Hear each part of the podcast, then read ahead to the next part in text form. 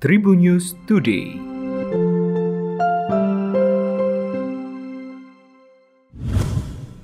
Tribuners berjumpa kembali bersama Hakim di Tribun News Today dan Hakim akan berbagi informasi menarik hari ini mulai dari informasi nasional, regional, selebritis dan juga olahraga.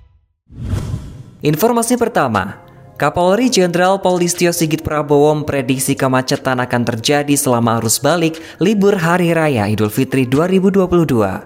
Kapolri juga menyarankan agar instansi pemerintah menerapkan kebijakan WFH. Mendukung pernyataan tersebut, Menteri Pemberdayaan Aparatur Negara dan Reformasi Birokrasi Cahyo Kumolo memberikan arahan kepada seluruh PPK agar mengatur jadwal WFH di instansi masing-masing. WFH bisa diterapkan selama satu minggu setelah puncak arus balik lebaran, yakni pada 8 Mei 2022. Cahyo menegaskan WFH tidak akan mengganggu pelayanan urusan administrasi serta layanan pemerintahan lainnya. Sebab kini instansi telah menerapkan sistem pemerintahan berbasis elektronik atau SPBE yang memungkinkan para aparatur sipil negara atau ASN bekerja tanpa batas ruang dan fleksibel menggunakan teknologi informasi dan komunikasi. Penerapan WFH juga dinilai sebagai ide yang baik setelah para ASN dan keluarganya kembali dari kampung halaman masing-masing.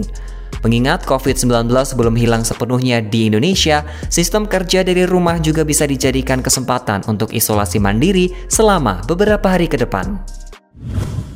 Informasi kedua datang dari Surabaya, Jawa Timur. General Manager Kenjaran Park atau Ken Park Surabaya, Paul Steven, menampik dugaan penyebab ambrolnya perosotan karena kurangnya perawatan wahana. Menurut Paul, setiap hari pihaknya melakukan pengecekan secara menyeluruh dan berkala ia mengatakan penyebab runtuhnya seluncuran tersebut diduga karena ada pengunjung yang sengaja berhenti di sebuah titik saluran seluncuran, sehingga terjadi penumpukan yang menyebabkan seluncuran tidak kuat menahan beban di atasnya. Diberitakan Surya sebelumnya, pernyataan mengenai dugaan penyebab insiden Ken Park karena kurangnya perawatan wahana disampaikan oleh PLT BPBD Kota Surabaya Ridwan Mubarun. Ia mengatakan insiden ini diduga karena permukaan bahan seluncuran di wahana tersebut tidak kuat menahan beban berat. Ridwan mengklaim rusaknya komponen seluncuran lantaran kurangnya mekanisme perawatan. Informasi ketiga datang dari dunia selebritis Indonesia. Fuji Utami mengungkapkan perasaan kagetnya ketika mendapatkan izin dari sang ayah, Faisal, untuk pergi ke Singapura menyusul kekasihnya Tarik Halilintar. Sebab diakuinya oleh Fuji cukup sulit untuk meminta izin pergi sendiri dari ayahnya tersebut. Bahkan Fuji sempat pasrah jika memang tidak mendapatkan izin dari sang ayah untuk pergi ke Singapura. Ketika Fuji memastikan apakah dirinya boleh pergi ke Singapura hanya dengan kameramannya untuk menyusul Torik, ia pun mengizinkan. Hal tersebut sempat membuat Fuji tidak percaya karena ayahnya termasuk yang ketat dalam memberi izin bepergian untuk anaknya. Selama momen lebaran, Torik dan juga Fuji terpisah jauh karena Torik merayakan lebaran di Singapura bersama keluarga anak Hermansyah dan Raul Lemos. Sementara Fuji bersama keluarganya merayakan lebaran di kota Malang, Jawa Timur. Informasi terakhir terkait SEA Games 2022. Anak pelatih Vietnam Park Hang-seo Park Chan-sung memberikan sindiran balik pelatih timnas Indonesia Shin Taeyong. Sindiran itu merujuk pada kekalahan timnas U23 Indonesia dari Vietnam pada laga penyisian grup A sepak bola SEA Games 2022 pada Jumat 6 Mei kemarin.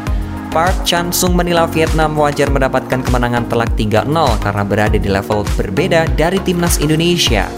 Ia pun menyindir anggapan Shin Taeyong yang menyalahkan keputusan wasit setelah timnya kalah 3 gol tanpa balas melawan tuan rumah. Serangan balik yang disampaikan Park Chan-sung disampaikan melalui halaman Facebook pribadinya, tepat tak berselang lama setelah kemenangan telak Vietnam atas Indonesia. Sebelumnya, Shin Taeyong menyebut timnya kalah 3 gol lantaran ada beberapa keputusan wasit yang dianggapnya tidak adil. Seperti misal keputusan wasit yang harusnya menganulir gol pertama Vietnam yang dinilai berbau offset. Demikian 4 informasi terupdate hari ini dan jangan lupa untuk terus mendengarkan Tribunnews Today hanya di Spotify Tribunnews Podcast dan juga YouTube tribunnews.com. Tetap patuhi protokol kesehatan 3M dengan memakai masker, mencuci tangan, dan menjaga jarak atau menjauhi kerumunan. Saya Hakim pamit, salam sehat untuk semua, dan sampai jumpa. Tribun News Today.